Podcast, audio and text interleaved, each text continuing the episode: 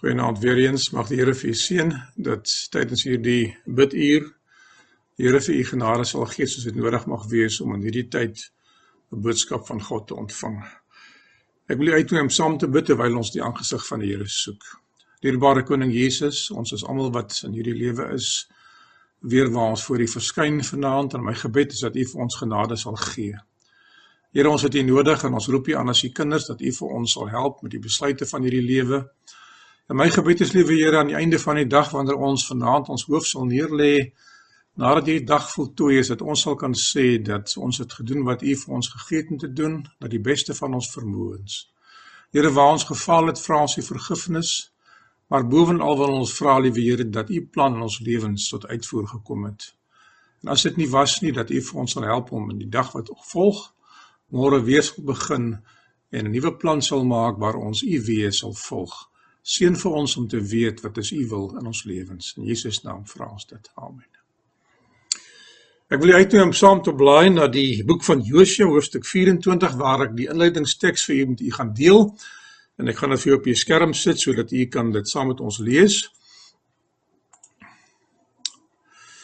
Uh Josua 24 vers 15. Maar as dit verkeerd is in julle oë om die Here te dien. Kies dan vir julle vandag wie julle wil dien. Of die gode van julle vaders wat daar oorkant die Efraat is wat hy gedien het of die gode van die Amorite in wie se land julle woon, maar ek en my huis ons sal die Here dien. En daar's twee kruisverwysings. 1 Timoteus 3 vers 4 en 5 kan jy gaan opslaan as dit vir u van enige waarde sal wees om uh hierdie studie bietjie verder te vat.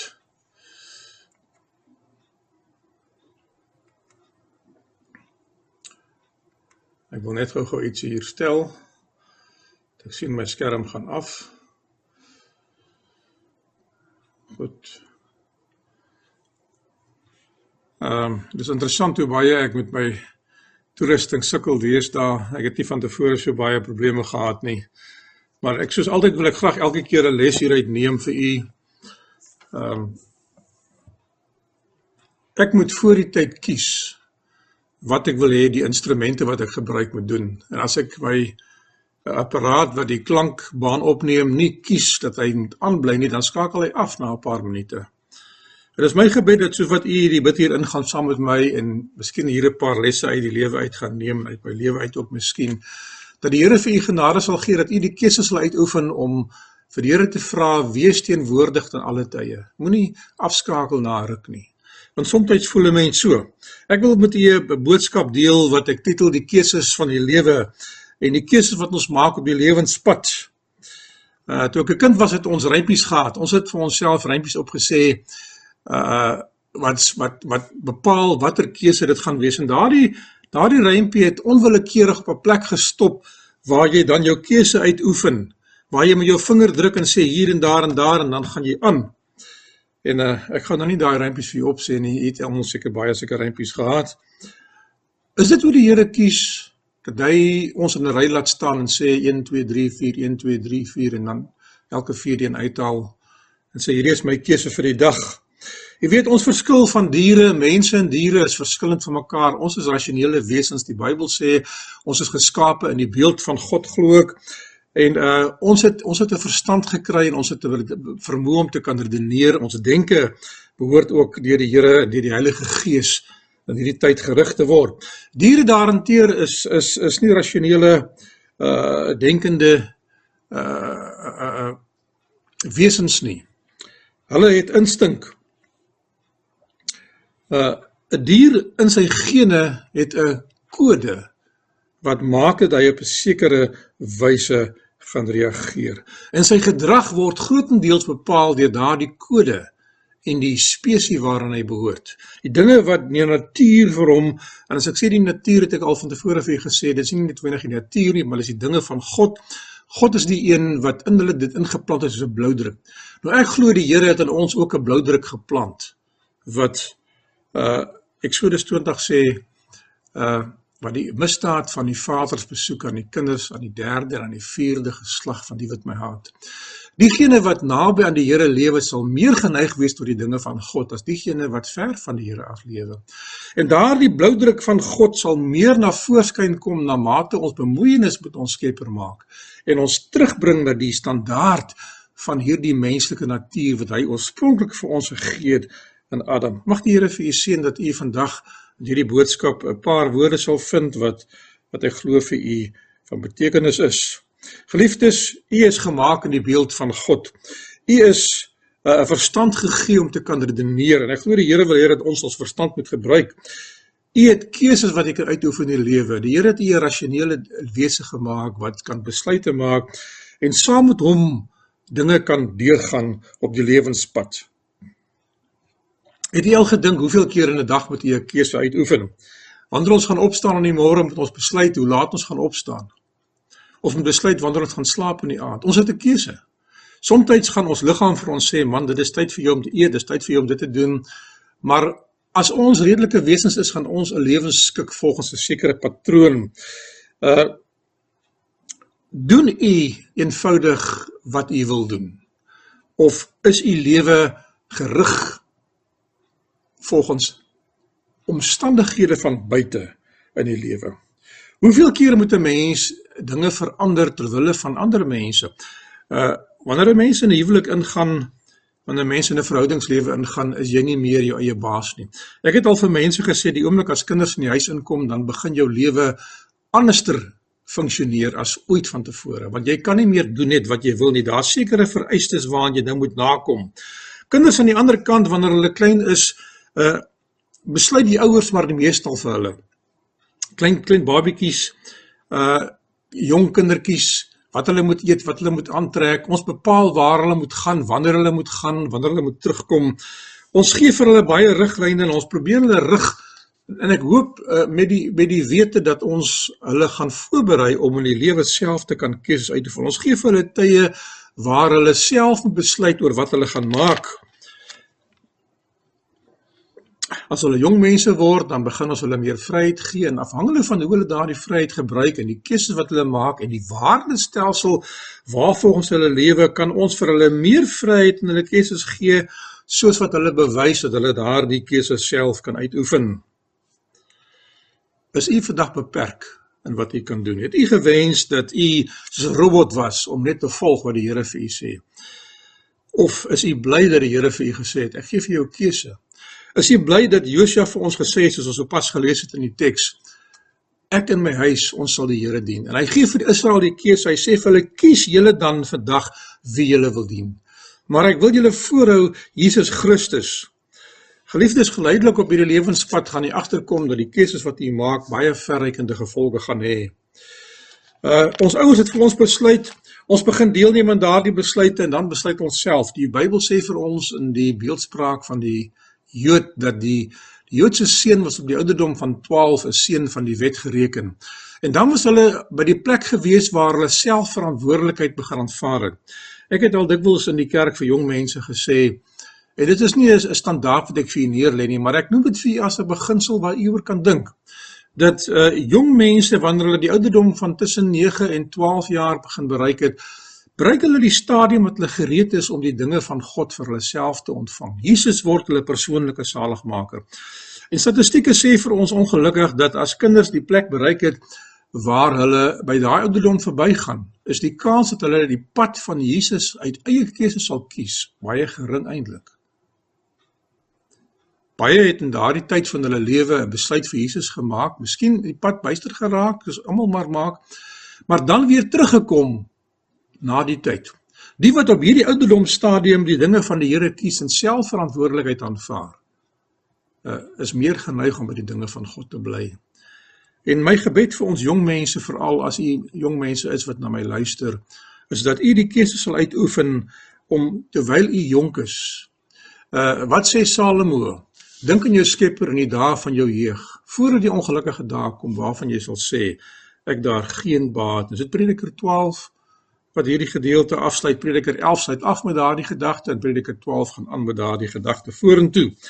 En ek wil dit vir u voorhou dat 'n mens moet wanneer jy jonk is jouself met die dinge van die Here volmaak want dit is die programmering van jou gedagtes wanneer jy oud word. Jou besluitnemingsprosesse van die lewe die die dinge waaroor jy moet besin en veral as jy by die kruispaaie van die lewe kom waar jy groot besluite moet maak is dit belangrik dat jy 'n fondasie moet hê waarop jy kan bou. En as Christus daardie fondasie is, is dit die beste. En ek wil dit ook 'n stapie verder vat. Dat jong mense wat daardie ouderdom bereik wat ek nou genoem het in hulle tienerjare uh, begin verantwoordelikheid aanvaar vir hulle eie dinge en die Here gaan van hulle self rekenskap begin eis en nie meer van die ouers nie want as 'n kind jonk is is daardie kind die verantwoordelikheid van die ouer en volg 'n uh, ander stel reëls. Het die Here nie gesê vir die disippels en hy het uit 'n uit 'n kind in hulle midde ingebring en gesê as julle nie verander soos een van hulle word nie, sal julle die koninkryk van God nie kan ingaan nie. En my my hart is dat ons daardie gesindheid van 'n kind sal hê wat die ouer gesag sal aanvaar, sal gehoorsaam en sal lief wees vir die dinge wat die ouers vir hulle sê en die waarde daarvan sal insien so vir die lewe van die lesse leer. Die keuse van 'n definisie Sien nou maar ek sê vir u daar is net een pen. En u moet kies. Het u 'n keuse?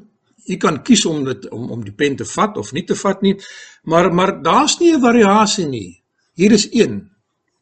Gewoonlik as 'n mens praat van 'n keuse, veronderstel jy daar moet meer as een van wees. As ek 5 appels op die tafel voor u neersit en ek sê vir u kies een, dan gaan u uh nie baie wye keuse hê nie. U gaan u gaan seker kyk na die grootte van die appel, die tekstuur, as hy buitekant 'n skilletjie het. En uh deur die genade van die Here sal u dan self besluit wat is dit wat u die beste wil gebruik in hierdie tyd.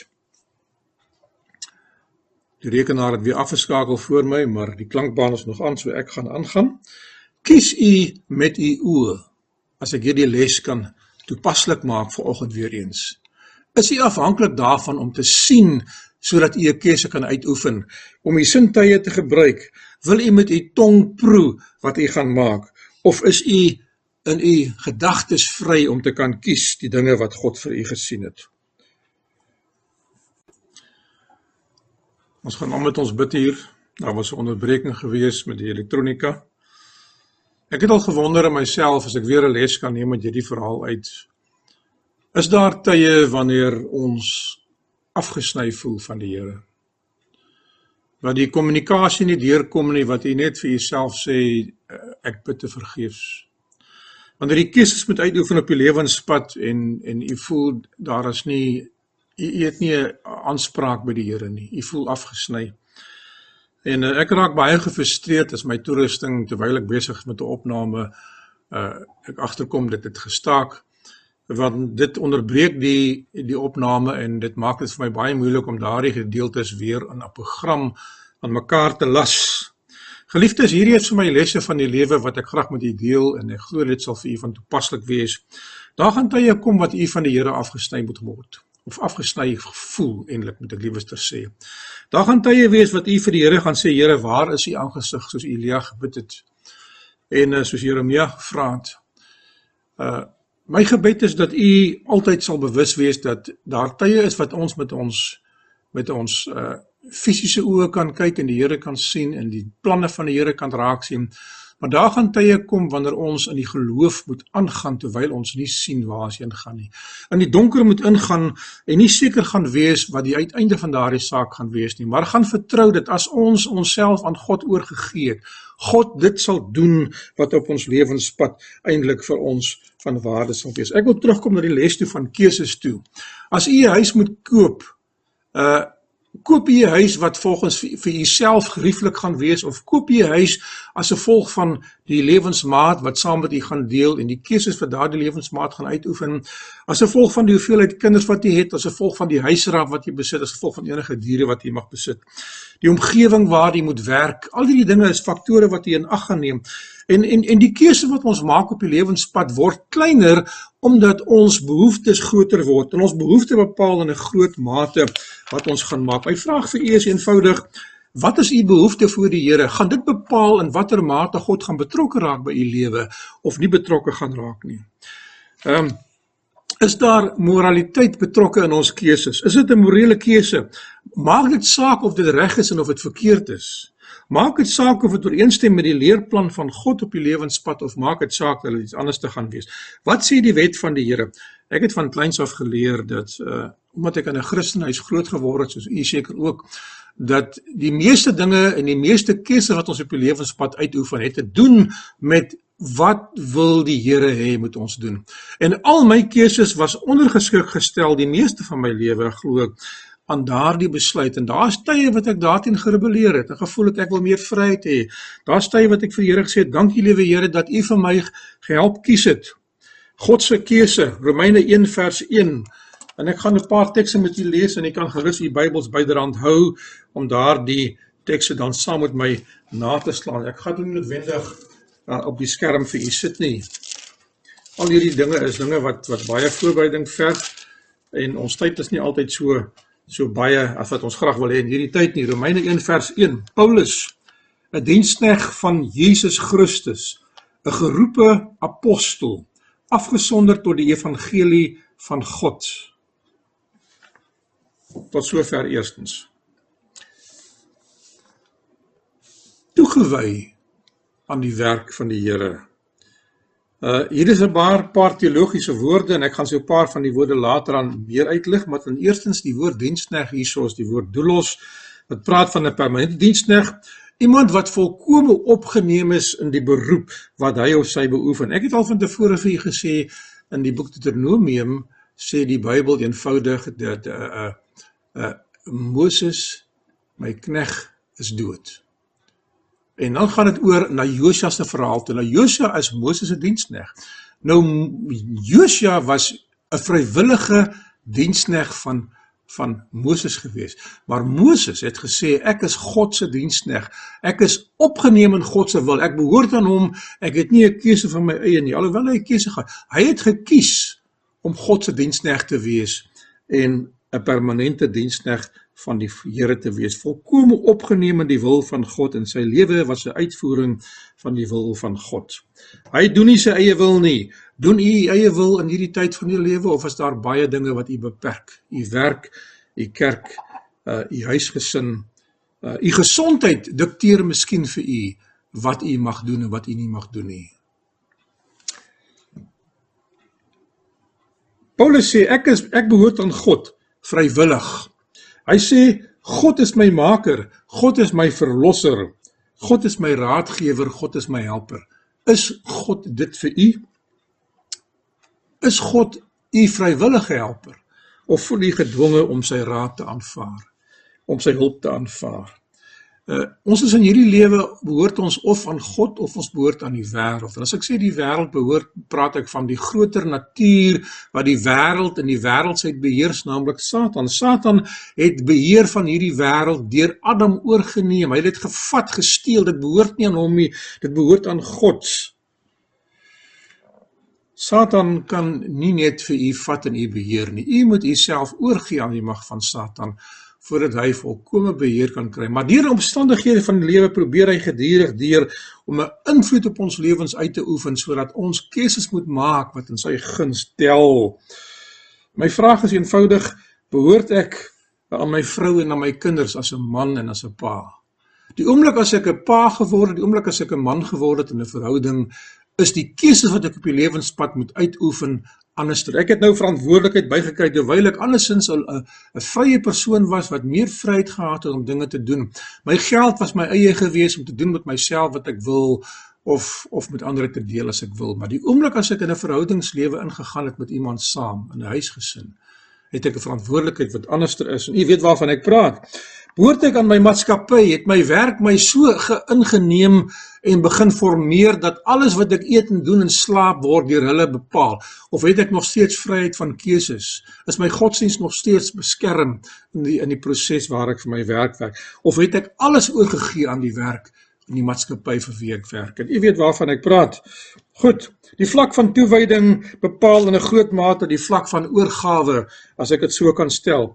En daar is verskillende vlakke. As 'n mens 'n slaaf is, is jy volkome deel van iemand. As jy 'n diensknegt het, het jy bietjie meer vryheid. As jy 'n toeskouer het, is daar nie regtig betrokkeheid nie. As jy 'n besoeker het, is deel jy in sekere van die voorregte van dinge, maar jy's nie regtig betrokke by die verantwoordelikhede nie. Jy kan wegstap wanneer jou tyd gekom het. Wanneer jy 'n vriend van iemand is, kan jy jouself met iemand assosieer. Jou vriendskap behoort vir jou genoegsaam 'n uh, band te wees om jou op sekere mate deelgenote te maak van ander mense se vreugdes, ander mense se hartseer. En uh ook hulle leed te help dra. Of jy kan wegstap, dan is jy nie meer 'n vriend nie. As jy familie is, die die spreekwoord sê bloed is dikker as water, dan is jy meer gebonde. Maar weer eens het jy nog steeds 'n keuse. Jy kan wegstap van jou familie af of jy kan saam met hulle op die lewenspad deurgaan.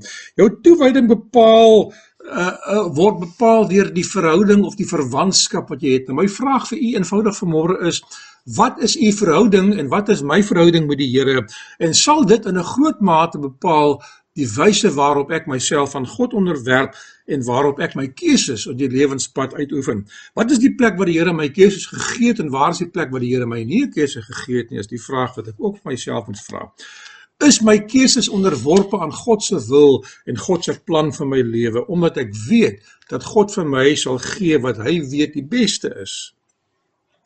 As ek afgesonder, Paulus sê hy's geroep, so hy's gekies deur die Here Hy het hy het die roeping aanvaar, hy kan dit aanvaar of hy kan dit los. Oomblik as hy dit aanvaar, dan is hy deel van 'n proses wat hom verantwoordelik maak. En nou het die Here hom afgesonder, die Here het hom geheilig. God sit hom op soel op op op op op op sy vir 'n doel en vir 'n taak. Die woord heilig beteken om afgesonder te word vir 'n spesifieke doel in die werk van die Here. 'n Slaaf daarenteen het geen menseregte nie. Uh hy is die permanente eiendom van sy eienaar. Hy het nie werksure nie. Uh hy kry nie 'n loon of 'n salaris aan die einde van die dag nie. Hy kry wel sy kos en sy slaapplek, maar dit is ook maar net eens uh, baie arm, arm armsalig as ek dit so kan stel. Daar is 'n interessante woord, 'n dienskneg. Uh Elutros. Uh die man wat van iemand wat vir iemand 'n taak verrig. En ek gaan net nou 'n bietjie meer oor hierdie dinge sê. Hierdie persoon het regte. Hierdie persoon het 'n keuse uitgeoefen om vir die persoon te werk of nie te werk nie. Hierdie persoon werk volgens 'n kontrak. Uh hy werk volgens werksvoorwaardes. Daar is 'n ooreenkoms. Hy het hy is deel van die besluitnemingsproses in die keuse. Dit is soos 'n vennoot. In 'n vennootskap werk julle saam in dieselfde maatskappy, maar jy het 'n mate van verantwoordelikheid en jy het 'n mate van keuses wat jy kan uitoefen in die besluitnemingsprosesse.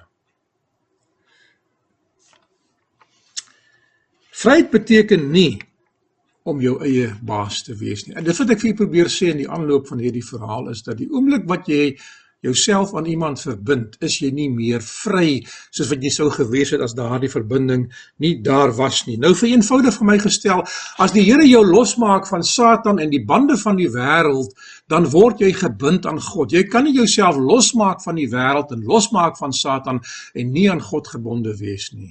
Daar is 'n teks in die Bybel, ek dink is in die boek Kolossense wat praat van ongebondenheid as 'n sonde ongebondenheid dat jy jou losgemaak het van die wêreld, maar jy is nie verbind aan die Here nie. Jy is soos 'n besoeker wat verbygaan en geen belang het by die dinge van God nie.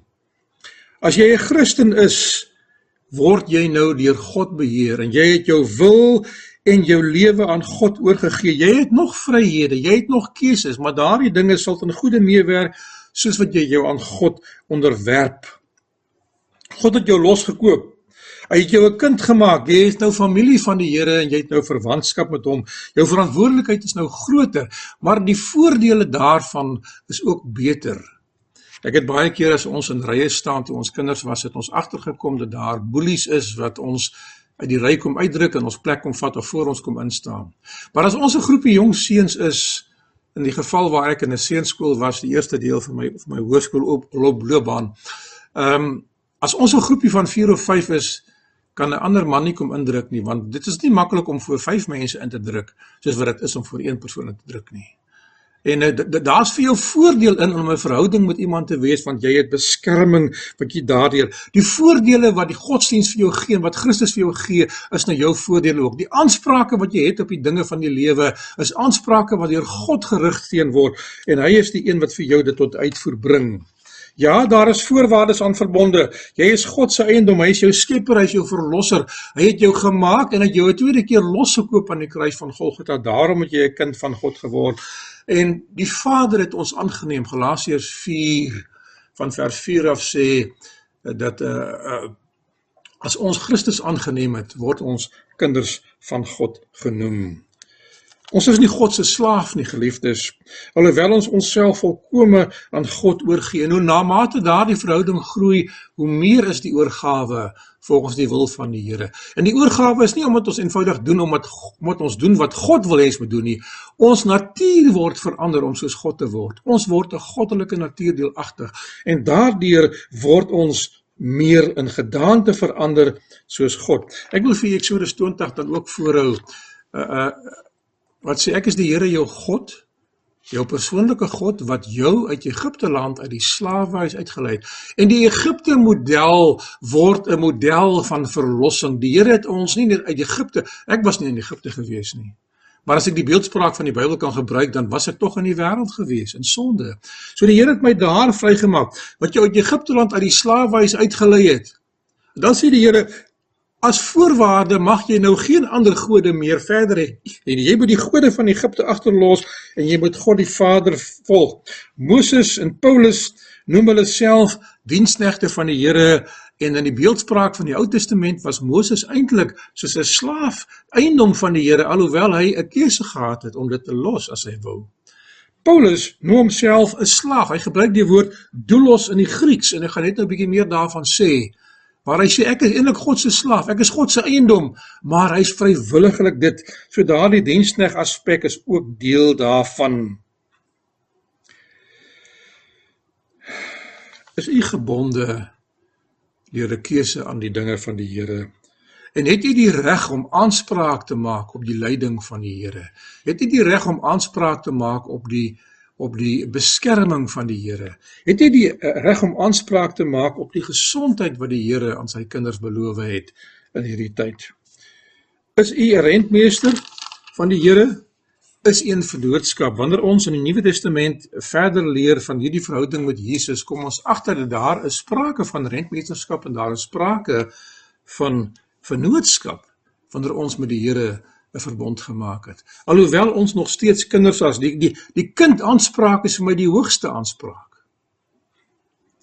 Die rentmeesterskap en die vennootskap praat van ons aanspreeklikheid wanneer ons die dinge van God hanteer en die werk van God doen in opdrag van Jesus. Matteus 20 vers 16 wil ek ook vir u dan lees verder. Jy kan gerus daar gaan oopmaak en en en en by die by die vertaling van die keuse Ek glo dat al die vertalings iets bydra, iets sal bydra tot hierdie werkstudie. Matteus 20 vers 16 sê my Bybel vir my hierso ek lees vir die ou Afrikaans vertaling uit. Soos die wat laaste was, wat laaste is, eerste wees, so sal die wat laaste is eerste wees. En die wat eerste is, laaste, want baie is geroep, maar min is uitverkies. En ek sê hierso in in hakkies, kyk Romeine 1 vers 1 wat ek klaar vir u gelees het en kyk ook Matteus 22 vers 14 wat ek net nou vir u gaan lees. So u hoef nie nou daarheen te gaan nie. Geliefdes, hierdie gedeelte kom uit die gelykenis van die arbeiders wat op verskillende ure gehuur was. En uh daar is ander beeldsprake ook wat ek later gaan uithaal uit hierdie verhaal uit. Twee sleutelwoorde wat wat slegs na vore kom in twee plekke in die Nuwe Testament. Dit kom voor in Matteus 20 vers 16 en Matteus 22 vers 14. Die woorde wat gebruik word vir geroep en vir uitverkies. Nou die, daardie woorde het sinonieme woorde wat in Afrikaans dieselfde klink. Daar is baie tekste wat praat van mense wat geroep word, maar hierdie twee woorde in die Grieks kom net op twee plekke in die Nuwe Testament voor, want hulle het 'n bepaalde betekenis. Die woord kletos vanaf kaleo wat beteken om te roep wat hier gebruik word in Matteus 20 vers 16, Matteus 22 vers 14. Matteus 20 sê God roep ons tot diensbaarheid. God roep ons om in sy wingerd in te gaan om te gaan werk in die gelykenis van die landbouer Hy sê die huisheer uitgaan op die markplein waar die mense gesit en wag het vir werk vir die dag. En hy het gesê kom in en kom werk op my wingerd en daar het mense ingegaan van die eerste uur af, van die tweede uur, die derde uur, dit gee sulke verskillende tye van die dag tot by die laaste ure. Uur voor sononder het hy weer verbygegaan en gesien daar is nog steeds mense en hy sê vir hulle: "Waarom sit julle so ledig op die markplein? Kom in my wingerd in en wat reg is sal ek vir julle gee." En ek ken die verhaal hoe hy aan die einde van die verhaal vir almal van hulle penning gegee het. En nou die mense wat die hele dag gewerk het gesê het, "U is onregverdig. Ons het die hele dag die hitte van die dag gedra en die hard die werk hard gedoen. U betaal ons dieselfde." En die Here sê vir hulle, "Vriend, ek het jou geen onreg aangedoen nie. Wat ek met jou ooreengekom het, gee ek vir jou. Kan ek nie goed wees om aan die ander een ook te gee soos ek wil nie?" En hierdie is 'n interessante gelykenis wat praat van verlossing. Dit praat nie van verdienste nie. Dit praat nie van diensbaarheid in die sin van van dat God ons ooreenkomstig ons werk gee nie. Ons karakters gaan ooreenkomstig ons werk bepaal word, maar ons verlossing word bepaal op grond van die meriete van Jesus. En u u sal later verstaan hoekom ek dit sê. Ja, ons het 'n keuse. Ons kan kies ja of nee. Jy kan kies om te gaan werk of jy kan kies om nie te wees nie. Jy kan kies om deel te wees van die koninkryk van God of jy kan kies om buite te staan. Maar wanneer die Here die beloning gaan uitdeel as jy nie in die koninkryk van God ingegaan het nie, sal jy nie deel van die beloning wees van die ewige lewe wat hy uiteindelik gaan uitdeel nie. Waar daardie verlossingswerk die gelykmakende faktor is wat almal oor dieselfde kam gaan skeer. Matteus 22 vers 14 is die ander gedeelte wat praat van hierdie teks. En ek gaan daarna verwys. Die gelykenis van die bruilofsmaal sê want baie is geroep maar min is uitverkies. In vers 14 Ek gaan later in die verhaal ingaan so ek gaan nie nou so baie in die verhaal ingaan nie. Twee sleutelwoorde het ek vir u gesê. Die keuse wat ons maak op die lewenspad Baie is geroep. Is u geroep? Maar u is nie uitverkies nie. Wat beteken hierdie teks vir ons? Dit is 'n uitnodiging na 'n banket, 'n ete, 'n feesviering, 'n bruilofsmaal. In in die Griekse woord daar is die woord klektoi wat gebruik word. Moenie daaroor bekommer nie. Ek gaan dit net nou verduidelik. Ons is deel van 'n gastelys. Ons is uitgenooi, ons is geroep. Klektoi. U is u is die, die woord kaleo wat sê ek word geroep is hiermee betrokke. Hoe roep 'n mens mense as jy na 'n bruilofsfees toe gaan? En wie roep jy? Ten eerste die die die mense wat die aanspraak maak is by die gaste van die bruilofsmaal is die familie. Jy gaan tog eers die familie se plekke gee en daarna gaan jy jou vriende se plekke gee. En miskien 'n paar belangrike aansienlike mense in die gemeenskap gaan jy se plekke gee. Maar dan gaan jy die ander mense uitnooi as jy nog plek oor het. En hoe word dit gedoen? Daar's 'n gastelys. Jy stuur kaartjies uit in ons tyd vandag. Ek weet nie hoe dit gebeur het in die ou tyd nie, maar daar was blykbaar 'n uitnodiging. Diensknegte het uitgegaan en fisies mense uitgenooi sê daar is 'n bruilofsmaal wat gehou gaan word. Jy is uitgenooi na hierdie banket, hierdie feesmaal, hierdie bruilofsmaal en hulle moes 'n aanduiding gee dat hulle daardie uh, uitnodiging aanvaar het. 'n Gelykenis praat in vers 2 van van uh die koninkryk van die hemele is soos 'n koning wat 'n bruilof vir sy seun brei het. Nou u sal dadelik agterkom dat die meeste gelykenisse was tipologiese verhale wat iets te doen gehad het met die koninkryk van God. In hierdie gelykenis is God die Vader die een wat 'n bruilof vir sy seun Jesus Christus hou. In die bruilof is die word vergelyk met die koninkryk van hierdie eh, nie van die wêreld nie, maar die koninkryk van God. En u is uitgenooi om deel te wees van die koninkryk van God. Dit is die bruilofsmaal. U is die gaste by die bruilof. U word uitgenooi, die diensknegte word uitgestuur. Matteus 21 vers 24 sê eenvoudig dat die profete van die Ou Testament is die mense wat uitgegaan het om mense uit te nooi in die Ou Testament om deel te wees van die koninkryk van God. In die Nuwe Testament het die Here apostels gebruik. Daar was ook profete gewees in die Nuwe Testament tyd, maar dit is veral die apostels en Jesus self wat mense uitgenooi het na die bruilofsmaal van wat deur sy Vader vir hom voorberei was maar die mense het hulle self verskoon. Lukas 14 vers 16 vind u die verhaal van die groot maaltyd. Nou die groot maaltyd het parallelle wat by die groot bruilofsmaal vergelyk word. Dit gaan nie dit gaan nie oor oor watter tipe funksie dit is nie. alhoewel dit teologies en tipologies ook van belang is. Dit gaan hier oor die evangelie uitnodiging in Lukas 14 dat daar is mense wat uitgenooi was en hulle hulle het hulle self begin verskoon. Johannes die Doper het hulle uitgenooi na die koninkryk van God toe. Geliefdes, u is uitgenooi na die evangelie oproep of deur die evangelie oproep na verlossing toe. Dis die uitnodiging in vers 3 sê eenvoudig daarso en sy diensknegte is uitgestuur het om die genooides na die bruilof te roep en hulle wou nie kom nie. Johannes hoofstuk 1 sê hy het na sy eie naam gekom en sy eie mense het hom nie aanvaar nie. Tragies, die familie, die eerste aanspraakmakers op die evangelie boodskap, die die wat gesê het ons is kinders van Abraham en volgens die belofte is ons erfgename. Die wat gesê het ons hoef nie bekering te gaan nie, ons is outomaties deel van die koninkryk wat natuurlik nie waar was nie. Vir wie die Here gesê het ek het mag om uit hierdie klippe uit kinders van Abraham te maak. Hulle het die uitnodiging verwerp en in die profesie van Daniël 8 in verlede week se les die 2300 jaar profesie. Aan die begin van daardie 70 weke, daar is 'n 70 letterlike weke gewees en dan is daar 70 profetiese weke gewees.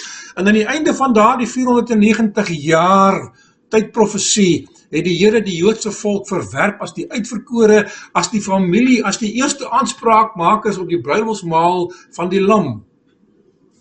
In die jaar 34 met die steniging van Stefanus het hierdie boodskap oopgegaan en die Here stel hierdie uitnodiging nou nou nou die uitnodiging was altyd vir alle mense gewees. Dit was nooit eksklusief vir die Jode nie. Die Jode moes die boodskap aan die wêreld bring, maar hulle het dit nie gedoen nie.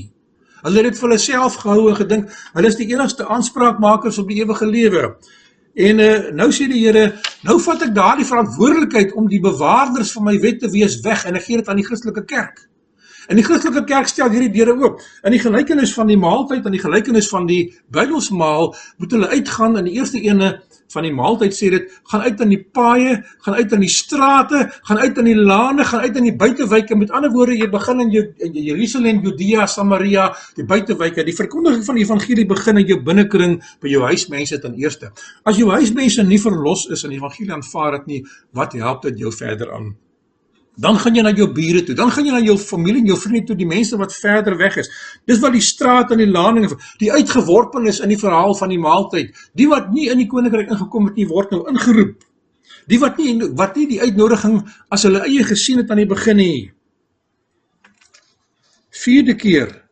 Hy sê 'n vierde keer, weer het hy ander diensknegte in vers uh uh 4 uitgestuur met die boodskap sê vir die genooides kyk my maaltyd het ek berei my beeste en vetgemaakte vee is geslag en alles is gereed.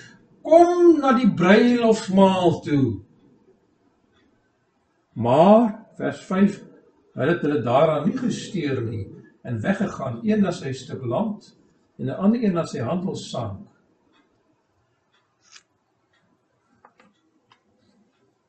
In 'n ander gelykenis het mense vir die Here gesê: Ek het 'n vrou getrou. Ek het 'n paar osse gekoop. Ek het 'n stuk grond gekoop. Wat is die dinge wat ons verhinder om die uitnodiging van die evangelie maaltyd te gehoorsaam? Is ons gereed om te kom? Ons wat die uitnodiging van die Here ontvang het, is ons uitgenooi. Ons word nie gedwing om te kom nie. Hulle hulle name was op die gastelys gewees. Hulle was die aanspraakmakers gewees, maar deur die maaltyd gereed was het hulle in in die een gelykenis uh, sê hulle het hulle self eenparig begin verskoon. Met ander woorde daar wat daar was mekaar gepraat. Hulle het gesê ons gaan nie gaan nie. Dit was 'n komplot teen Christus soos wat die Jode gemaak het. Die Jode het 'n komplot teen die Here gemaak om nie in sy koninkryk in te gaan nie. Die Bybel sê later dan julle het self nie ingegaan nie en dan het julle ook die wat wou ingaan verhinder om in te gaan. Petrus sê vir ons ons name is op die gastelys van God geskryf voor die grondlegging van die wêreld af. Ek gaan net nou vir julle die teks lees. Maar dit is nog steeds ons keuse. Het u 'n stuk land gekoop het u 'n handelssaak wat u lewe so in beslag neem, nie as 'n slaaf nie, maar as 'n dienskneg waar jy die keuse uitgeoefen het om jouself te onderwerp aan die reëls in 'n vennootskap met iemand of 'n saak in te gaan wat u belange so opneem dat die vennootskap wat u met die Here gemaak het nou nie meer 'n volle aandag kry nie. Dat dit nou minder waardig is. Is u gesin en u familie dalk afgeskeep omdat u al die tyd vir die werk gee of aan 'n saak toewy? En hierdie is dinge wat ek met myself gepraat het op 'n stadium moes ek vir myself sê hoeveel tyd spandeer ek aan die dinge van die Here en hoeveel tyd gee ek vir my familie ook. Hulle het ook 'n aanspraak op my tyd, op my my my my my my my betrokkeheid by hulle lewens en ek het 'n keuse wat ek uitnoem. Nou sê vers 6 hierso en die ooriges ah het sy diensknegte gegryp en mishandel en doodgemaak. Met ander woorde, hierdie boodskappers wat die evangelie bring, is op 'n slegte manier behandel. Slegte manier behandel. Vers 7 Toe die koning dit hoor, het hy baie kwaad geword, sy manskappe uitgestuur, dis sy soldate en die moordenaars omgebring en hulle stad aan die brand gesteek. Wat 'n Die Here is besig om vir die Joodse volk wat na hom luister te vertel wat met hulle gaan gebeur nie baie lank na sy hemelvaart nie. Het hulle onder verskriklike vervolging ingegaan onder die druk van keiser Adrianus.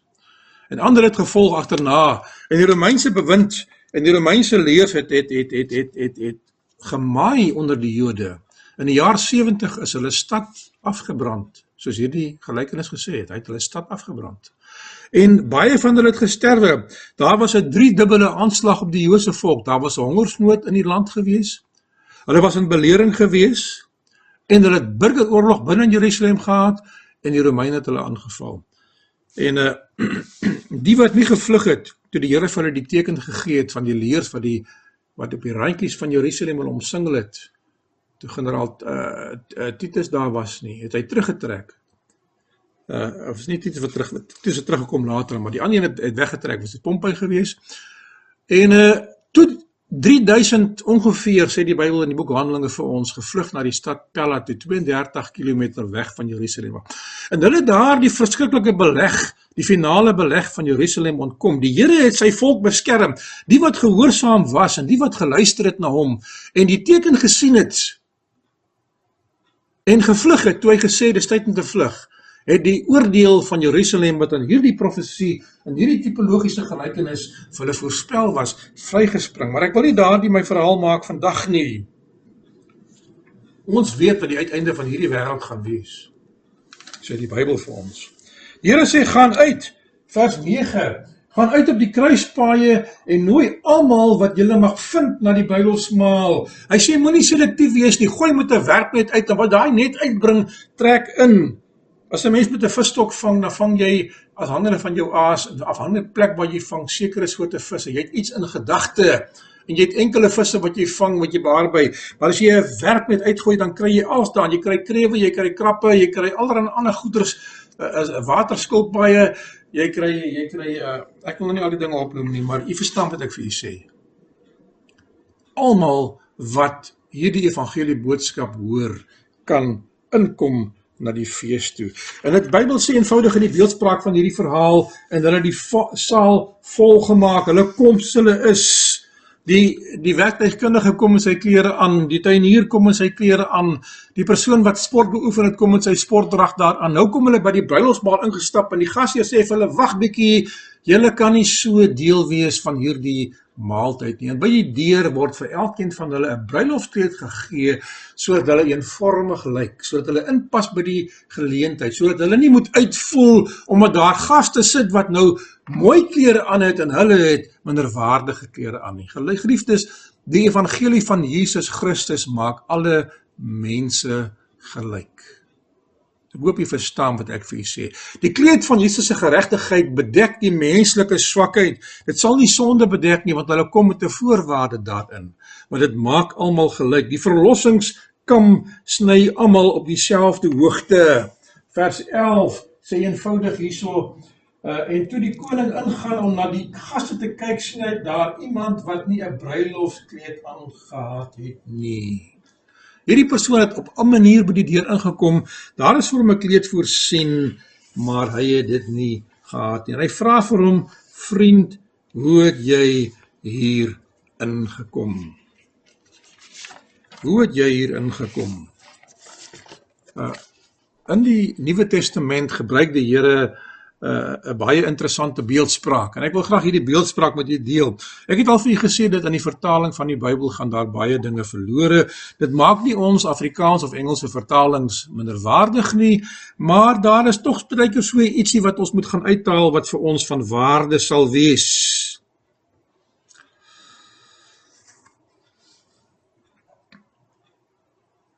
Ons is uitgenooi as 'n bruilofsgas maar ons steel ons nie aan die voorwaardes van die bruilofsfees nie. Die bruilofsgasheer het gesê as jy wel kom na die fees toe, is daar sekere vereistes waaraan jy moet voldoen. Jy kom nie op jou eie voorwaardes nie, maar jy kom uit jou eie keuse uit. Dit is jou keuse. Uh hy gebruik die woord vriend nou woord die die woord philos in die Grieks is 'n verhoudingswoord wat met liefde en toegeneentheid uh geïmpliseer word. Die Here gebruik nie die woord philos nie. Hy sê nie vir hom philos die vriend met wie ek 'n verhouding het, met wie ek 'n verwantskap het dalk nie, wat in homself met 'n kontrak aan my verbind het nie, wat 'n liefdesband tussen my en jou bestaan. Hy gebruik 'n ander woord, hetairos. Die woord hetairos is mense wat hulle vriende kies volgens hulle eie voordeel. 'n Geweldige interessante woord. Dis met ander woorde, jy kom nie op op op grond van God se terme in nie. Uh hoe hoe vertaal 'n mens so 'n woord? Hoe vertaal 'n mens so 'n woord? Ehm uh, jy kies 'n vriend vir die voordeel wat hy vir jou kan inhou. Jy is 'n mooi weersvriend. Dit is 'n is, is eintlik 'n verskriklike ding wat die Here vir man. Die man sê vir die vir die hierdie die Here sê vir hierdie man in die gelykenis of die gasheer lieweste, God die Vader sê vir hom: "Hoe het jy hier ingekom, vriend? Jy wat jouself met my verbind het op grond van die voordeel wat jy gaan kry. Is u deel en is ek deel van God se koninkryk of probeer ons deel wees oor die voordele wat dit vir ons inhou?" Maar ons kom nie die voorwaardes na nie. Johannes 15 vers 16 het ek in die vorige boodskap vir u gesê, die Here sê, julle het my nie gekies nie, ek het julle gekies. Ek het julle verordineer om vrugte te dra. Die Here kies ons sodat ons werksaam kan wees in die kerk. Hy wil ons 'n opdrag gee waar ons nie ons eie vrug dra nie, maar die vrug van die Heilige Gees, Galasiërs liefde, blydskap, vrede, lankmoedigheid, vriendelikheid, goedheid, getrouheid, selfbeheersing. Dit is die doel waarmee ons onsself aan God verbind sodat ons daardie vriendskap kan hê en die voordeel kan hê daarvan maar dat ons die vrug kan dra en ander in die koninkryk van God kan inbring. Efesiërs 1 vers 4 is nog 'n teks waarop jy kan agslaan. Hmm. Ek wil gou daar oopmaak. Efesiërs 4 vers 1. Dis die teks dink ek wat ek gesê het. Nee.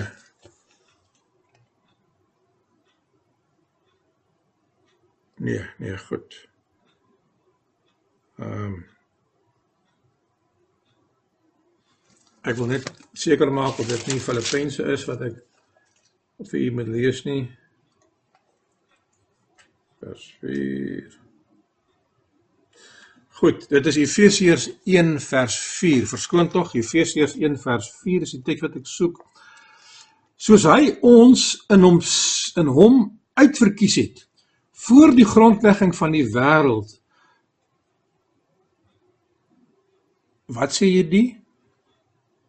Ons lees baie keer 'n teks, maar ons lees nie die teks behoorlik nie. Ons ons stop daarso. God het ons uitverkies. Die Calviniste sê die Here het my verkies om verlos te wees. Dit is waar, maar die teks gaan aan. Hy sê hy het ons uitverkies het voor die grondlegging van die wêreld om heilig en sonder gebrek voor hom in liefde te wees. Die rede waarom die Here ons gekies het is sodat ons die vrug kan dra van die gees van God, die Heilige Gees. Praat nie hier van 'n tydsgebeurtenis nie. Dit praat hier van 'n keuse wat die Here uitoefen. In 1 vers 5 uh ag ek het net klaar weggegaan daarso ek gaan net weer teruggaan. Uh Efesiërs 1 vers 5 wil ek ook gelees het. Wees maar geduldig. Deurdat hy ons voorbeskik het om as sy kinders vir homself aan te neem deur Jesus Christus na die welbehae van sy wil tot lof van die heerlikheid van sy genade waarmee hy ons begenadig het in die geliefde. Hoekom het die Here ons gekies sodat ons die vrug kan dra van sy gees en sodat hy ons kan aanneem as kinders van God. God is alwys, God is uh alsiende, God is almagtig, God is ewig. Hy het ook 'n voorkennis.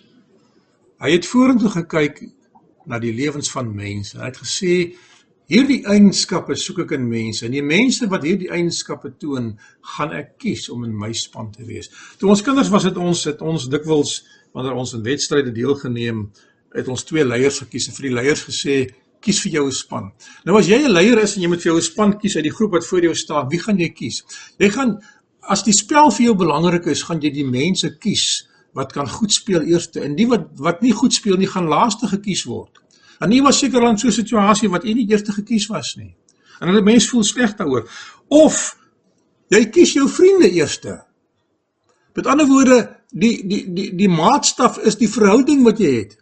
God kies ons omdat ons Christus aangeneem het as ons persoonlike saligmaker. Dit is die kriteria wat hy kies. Daar is 'n verwantskap en 'n verhouding te sprake, maar hy kies ons ook omdat ons nadat ons Christus aanvaar het, die lewenseienskappe van Christus uitlewe omdat ons die goddelike natuur deelagtig geword het en nou die vrug van die Gees het. Ons lewe en ons karakter lyk soos die godheid moet lyk.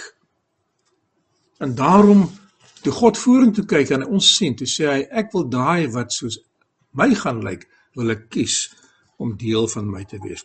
Aanneming van die persoon Handelinge 10 vers 34 sê uh uh uh praat van Petrus het sy mond oopgemaak en gesê waarlik God is nie aannemer van persone nie. En hierdie teks het ek baie met u al gedeel.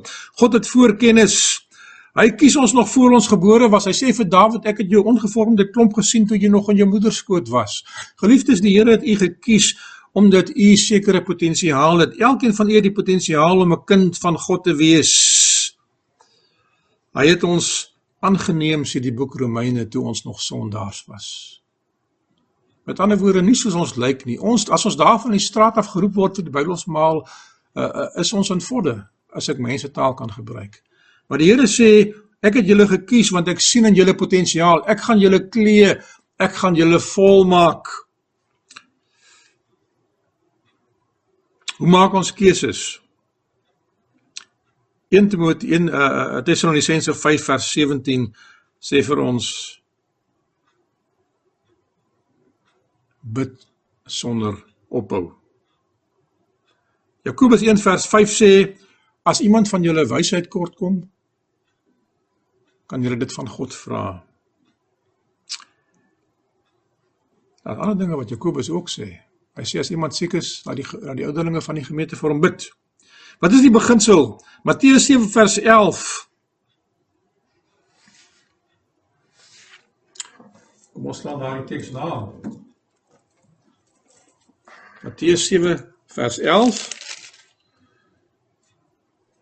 As julle wat sleg is dan weet om goeie gawes aan julle kinders te gee, hoeveel te meer sal julle Vader wat in die hemel is goeie dinge gee aan die wat hom bid.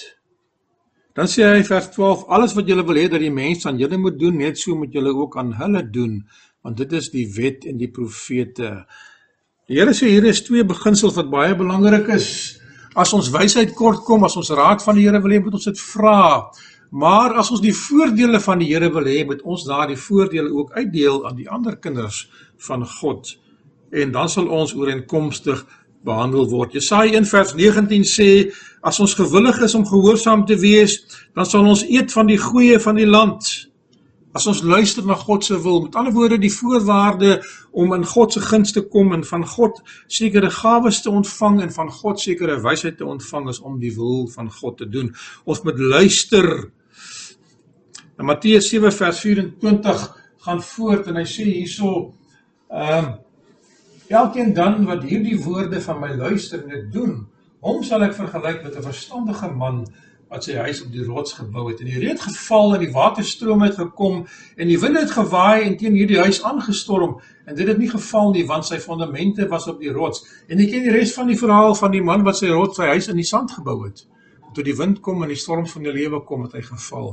Geliefdes, die Here gaan nie altyd vir u alles in die skoot gee nie, maar hy gaan vir u die verstand gee om die regte besluite te maak op die regte tyd om goeie keuses op die lewenspad uit te oefen en hy sal vir ons sê Romeine is dit is dit uh, Romeine 8 uh, wat vir ons sê dat alles sal ten goeie meewerk. Die beginsel van wysheid is liefde en die beginsel van geluk is gehoorsaamheid. Die gawes wat die Here vir ons gee, wat hy wat hy vir ons gee. Jakobus 1 vers uh 5 in 1 Tessalonisense 5 vers 17 het ek vir u gesê, uh ons moet bid voordat ons besluite op die lewenspad maak. Vra die Here om vir u uitsluitsel te gee en wag op die Here. Studeer die woord van die Here. Uh Jesaja 1 vers 19 het ek vir gesê ons moet gehoorsaam wees. Matteus 7 vers 24 en 25 het ons gesê luister na die woorde van die Here as voorwaardes. Uh Psalm 119 vers 105 sê u woord gaan vir ons daardie lig gee wat vir ons nodig het. Uh 2 Timoteus 3 vers 16 sê dieselfde. Ons moet die woord van die Here bestudeer en daarin sal ons wysheid en kennis en lig vind vir die lewenspad. Uh Spreuke 3 vers uh, 5 tot 7 sê dat ons moet op God vertrou op sy beloftes nadat hy vir ons dit gegee het. Jesaja 58 vers 11 sê die Here, vertrou my in hierdie saak. Vertrou ons die Here as u u saak aan die Here oorgelewer het, vertrou dat hy dit sal doen. Uh Spreuke 15 vers 22, Spreuke 24 vers 6 sê dat ons moet God se raad soek. U kan raad by mense in die wêreld kry, maar die raad wat God vir u gee is beter. Ek gaan terug na die verhaal toe. Die einde van die verhaal. Vriend, hoe het u hier ingekom? U is uitgenooi na die bruilofsmaal van die lam. U word beklee volgens die geleentheid wat vir u gegee word deur die kleed van Jesus se geregtigheid. Gaan ek my eie klere dra in hierdie tyd?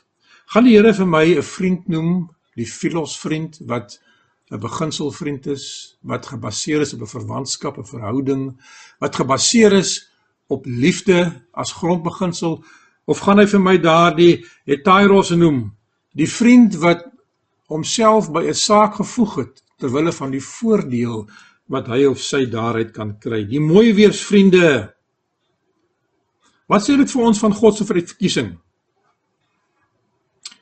Gaan ons die ewige lewe ingaan op grond van God se God se terme of gaan ons dit ingaan deur ons eie keuse op grond van wat God vir ons gegee het? Geliefdes, God se voorwaardes is die beste. Uh Spreuke 22 vers 24 tot 25 Ek wil graag lees want ek kan dit nie in Afrikaans my kop uit vir u so op sê nie. Spreuke 22 vers 24.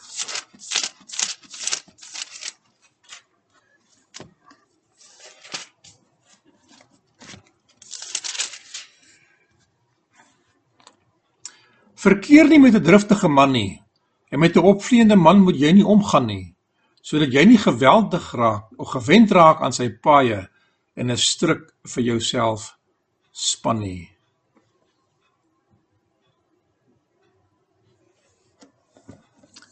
Gaan die assosiasie van mense met wie ons omgaan ons karakters kan verander? Is dit nie wat die boek Romeine vir ons sê nie? Word nie aan hierdie wêreld gelykvormig nie, maar word verander weens die vernuwing van julle gemoed. Romeine hoofstuk 12 vers 1 en vers 2 Uh Spreuke 17 vers 17 is ook 'n teks wat u kan ter harte neem. Die vriend het altyd lief en die boer word gebore met die oog op die nood. Is ons 'n vriend wat altyd liefhet of is ons 'n vriend wat wat 'n vriend geword het omdat ons 'n behoefte het? Nou ek het vir u gesê as jy 'n behoefte het kan jy na die Here toe gaan. Jy moet dit nie in 'n verkeerde sin sien nie. Ons is God se kinders en ons het 'n aanspraak wat ons kan regverdig. Spreuke 18 vers 24 is nog 'n teks wat jy op harte kan op kan 'n man met baie vriende word gereineer, maar daar is 'n vriend wat sterker aanhang as 'n broer. So terwyl 'n broer 'n 'n verwantskap kan wees wat vir die verkeerde redes met jou vriendskap het, kan 'n vriend vir jou soos 'n broer wees wat 'n nader verwantskap het. U lewensmaats, u, u, u eggenote is daardie vriend wat die Here vir u gegee het. Die Bybel sê Genesis 2 vers 24 en 'n man sal sy vader en sy moeder verlaat en sy vrou aankleef en hulle sal een vlees wees. Het u met u oë gekies? Het u met u hart gekies?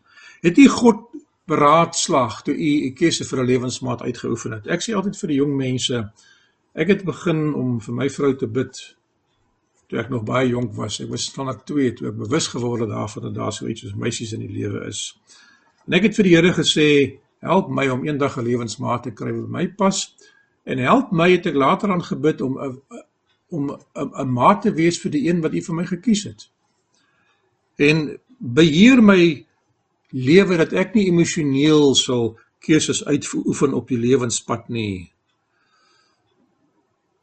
Watter rol het gebed gespeel in u verhoudingskeuse? En watter rol speel gebed nog steeds in die aanstandhouding van u verhoudingskeuse? Het u die advies van God gegeewe ouers gehad wat vir u gelei het? Dit is deel van die besluitnemingsprosesse van die lewe. Ons moet luister na wat die Here vir ons deur ons ouers sê. En die Here gee vir ons 'n gebod om ons ouers te eerbiedig. As hulle by die dinge van die Here bly, sal hulle vir ons die beste advies gee wanneer ons advies vra. Ons geskiedenis, ons erlewenservaring, die lesse wat die Here vir ons geleer het op die lewenspad, gaan ook dien om vir ons leiding te gee wanneer ons later besluite moet maak op die lewenspad. Ons hoef nie dwaaste besluite te maak nie. So wanneer u 'n keuse moet uitoefen, wanneer u moet kies tussen een van baie, soos ek aan die begin vir u gesê het met die inleiding, is dit belangrik vir my dat u gaan verstaan dat die lewenservaring wat u saam met God deurgegaan het, gaan ook vir u leiding gee. As u lewenskeuses het oor die werk wat u moet doen. Baie mense het in hierdie tyd hulle werk verloor. Baie mense se werk is in gevaar en hulle inkomste is minderwaardig. En ons sal moet begin kyk na ander opsies om ons inkomste in te vul. U moet die Here u metgesel maak en vir die Here vra om vir u vooruit te gaan. En ek weet daar is van u wat dit doen, wat soek, wat is die Here se antwoord? Ek wil vir u die versekering gee, ek glo in my lewe en my ervaring met die Here saam het vir my geleer dat die Here het nie altyd antwoorde gegee soos ek gevra het nie, nie dadelik antwoorde gegee nie, maar maar die Here het altyd geantwoord. En op die einde van die pad Kom ek kom ek net hier 'n oomblik stil staan. 1986 klim ek op teen die hange hange van Helderberg en ek sit daar bo in die berg en uh, ek is ou wat toe ek jonk was gedigte geskryf het, maar oor my eie lewenservaring en baie van die gedigte sal ek nie met eenwendig deel nie, want dit is baie persoonlik en baie privaat. Ek skryf 'n gedig waar ek die woord optatief gebruik in opties en optimaal En ek sê vir die Here, ek beskou hierdie berg. Ek gaan na my gees is op teen die hange van die berg op en ek soek die aangesig van die Here daar op die berg om vir my antwoorde te gee, maar ek kry nie antwoorde nie. En terwyl ek daar sit met my Bybeltjie in my sak, bid ek tot die Here. Ek sê Here, gee vir my 'n plan. Ek is op pad om die kollege te verlaat en in die wêreld om terug te gaan en nie my beroep te voltooi wat ek begin het nie. Gee vir my raad en leiding. Ek het na die leraar wat in die gemeente was gegaan en gesê, "Gee vir my raad." Hy kon nie vir my regtig raad gee nie. Hy het my oor die algemeen geadviseer. Hy het nie vir my gesê wat ek wil hoor nie. So het ek gedink. En ek skryf 'n gedig. Maar terwyl ek daarso lees, lees ek in die boek Jesaja en hy sal blindes lei op 'n weg wat hulle nie ken nie. En hy sal die paaie vir hulle voete gelyk maak. En ek sê vir die Here, Here, is dit die antwoord wat U vir my gee? Is ek soos 'n blinde mens wat gelei moet word? En ek het baie teleurgesteld teruggegaan. Ek het ek het 'n besluit geneem. Ek het my kursus gestaak. Ek was 6 maande werkloos gewees. En ek het baie selfverwyd gehad daaroor omdat ek nie voltooi het en deurgedruk het nie, maar ek kon net nie onder omstandighede aangaan nie. En die Here lei vir my deur 'n baie groot proses, deur my vrou se toedoen na 'n werk toe waar ek betrokke raak by 'n instansie wat genoem word die Optima College. Nou, weet dit niks in my wakker gemaak nie. So 3, 4 jaar in die werk in werk ek vir die Suid-Afrikaanse Gidsondvereniging en ek gaan in Botswana in waar ek by 'n dorpie met die naam van Uitkyk gekom het en daar in die mure van die sendingstasie wat wat ook 'n uh, mediese sentrum was, sien ek daar die teks van Jesaja wat sê en jy sal blindes lei op 'n pad wat hulle nie van tevore geken het nie. En jy weet dis of die of of die of die Heilige Gees aan my gedagtes soos 'n weerligstraal deur my liggaam gaan en ek besef met 'n skok daar op die berg het die Here vir my gesê vir 'n tyd lank gaan jy teruggaan en met blinde mense gaan werk totdat jy jou pad gevind het en dan sal ek jou terugvat in die bediening in. Maar nie sonder moeite en sonder stryd nie. En ek het ek het op daai stadium nie die pad van die Here gesien nie, maar toe ek agterna terugkyk, het ek besef dat die Here het wel geweet wat gaan gebeur, maar hy kon nie vir my vooruit wys wat gaan gebeur nie.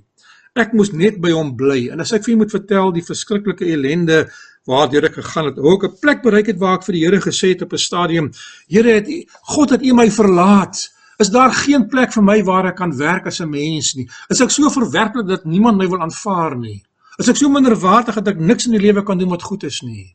Waarom antwoord U my nie? Ek het regtig vir die Here gesê, "Waarom antwoord U my nie?" Vir 6 maande lank bly die hemele toe soos koperwolke met my pa vir my gesê op 'n stadium waar die Here nie my gebede beantwoord nie.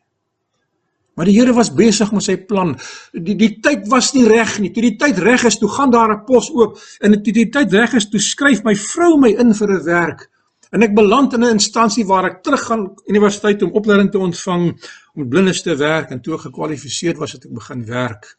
En eers baie jare later so sien ek daardie teks wat die Here my gewys het die dag op die berg. En toe verstaan ek God was besig om my te lei, maar ek het dit nie geweet nie. Gaan die Here vir u dadelike antwoord gee? Ek weet nie. Ek het al antwoorde gekry wat dadelik gekom het. Gaan die Here vir u uitkoms gee? Ek glo hy gaan vir u uitkoms gee. Geliefdes, mag die Here vir u seën dat u sal vashou aan die hand van die Here, dat u God sal kies uit keuse uit, nie as 'n slaaf nie, nie as 'n diensknegt noodwendig nie, maar as een wat homself vrywillig in 'n verhouding met God oorgegee het, wat 'n kind van God geword het, wat deur aanskoue verander word. En die rede waarom God u gekies het en u geroep het uit die wêreld uit, is omdat hy u wil diensbaar maak in die evangelie boodskap. U is uitgenooi na die koningsfees toe. Maar u gaan as die Here in die ondersoekende oordeel in hierdie tyd wat nou aan die gang is, want dit is waarheen Matteus 27 toe gaan. Daardie gasheer wat deur die gaste deurloop en hulle deurkyk, stel voor die ondersoekende oordeel. Die Here is nou besig om te kyk wie van hulle wat in die koninkryk van hom in aanspraak maak, het sy bruilofskleed aan. En as u en ek die bruilofskleed nie aan het nie, gaan hy vir ons sê, "Hoe het jy hierin gekom?" En die diensknegte gaan ons wanneer die genadeleer sluit uithaal en sê gaan uit, want jy hoort nie by die groep van God wat die Bybel steeds van God aan het nie. U gaan nie in die hemel ingaan op die verdienste van u werke nie. Die werke wat u gaan hê, gaan die vrug wees van die Gees wat hy vir u voorgeroep het om te dra. Omdat u 'n kind van God geword het, gaan hy toelaat dat sy gees in u lewe vrug voortbring. En daardie vrug gaan die vrug van God wees en dit gaan u karakter bou, maar u gaan nie hemel toe gaan op grond daarvan nie, want u gaan verlos word eenvoudig omdat u die genade van Jesus Christus aanvaar het en op sy meriete ingegaan het. U het gekom soos u is. Hy het u toegemaak met sy bruilofskleed. Maar hy het u genade gegee om die vrug van die Gees in u lewe te openbaar. God het u geroep vir hoë dinge. As u voor 'n lewenspad staan waar u lewenskeuses moet uitoefen geliefdes mag die Here vir u gee dat dat u op die regte tyd die antwoord van die Here sal gee ag sal sal vind en my gebed vir u is dat u nie sal moedeloos word in hierdie tyd nie die Here het 'n plan ons weet nie wat daardie plan is nie maar hy weet wat daardie plan is en ek glo hy sal sy plan tot uitvoer bring bid saam met my Dierbare koning Jesus ek gee my lewe weer aan u oor vandag En ek bid dat U die plan wat ek op my lewenspad gevolg het sal wysig om in te pas by die plan wat U vir my gegee het. Here, U het in die woord geskryf dat U het my geroep nog voor die grondlegging van die wêreld, geroep om goeie vrugte te dra. En U het my gekies om 'n verhouding met God die Vader te hê omdat ek U gekies het as 'n kind. Ek bid dat U vir my sal genadig gee. Ek bid vir hulle wat na hierdie boodskap luister. Hulle wat voor keuse staan, hulle wat moedeloos geword het, liewe Here. Hulle wat miskien nie meer gewoond is om die pad van Jesus te volg nie. Plant ons in daardie begeerte, veral vir ons jong mense om te kies om die plan van Jesus te volg. Om soos Josia te sê, ek en my huis sal die Here dien. En Here dan die voordele van daardie verhouding te geniet waar ons deur U gelei kan word, waar ons deur U genees kan word, waar U vir ons deure sal oopmaak en waar U vir ons deure sal toemaak. En Here, as ons nie U gesig kan sien nou nie, of U plan vir ons lewens kan weet nie, help ons asseblief om dit te vind. En wanneer ons eendag sal terugkyk, sal ons sê waarlik, ek het nie geweet nie, maar God het my tog in daardie tyd ook gelei.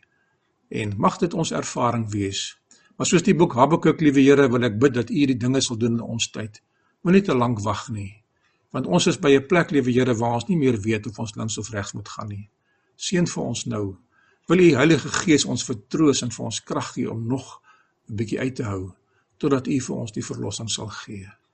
In Jesus naam vra ons dit. Amen. Baie dankie mag die Here vir u seën dit uh hierdie studie nie vir u uh 'n vreemde boodskap gebring het nie, maar dat u vertroue sal hê in God se vermoë om u te roep en u te kies. Mag die Here vir u seën. Amen.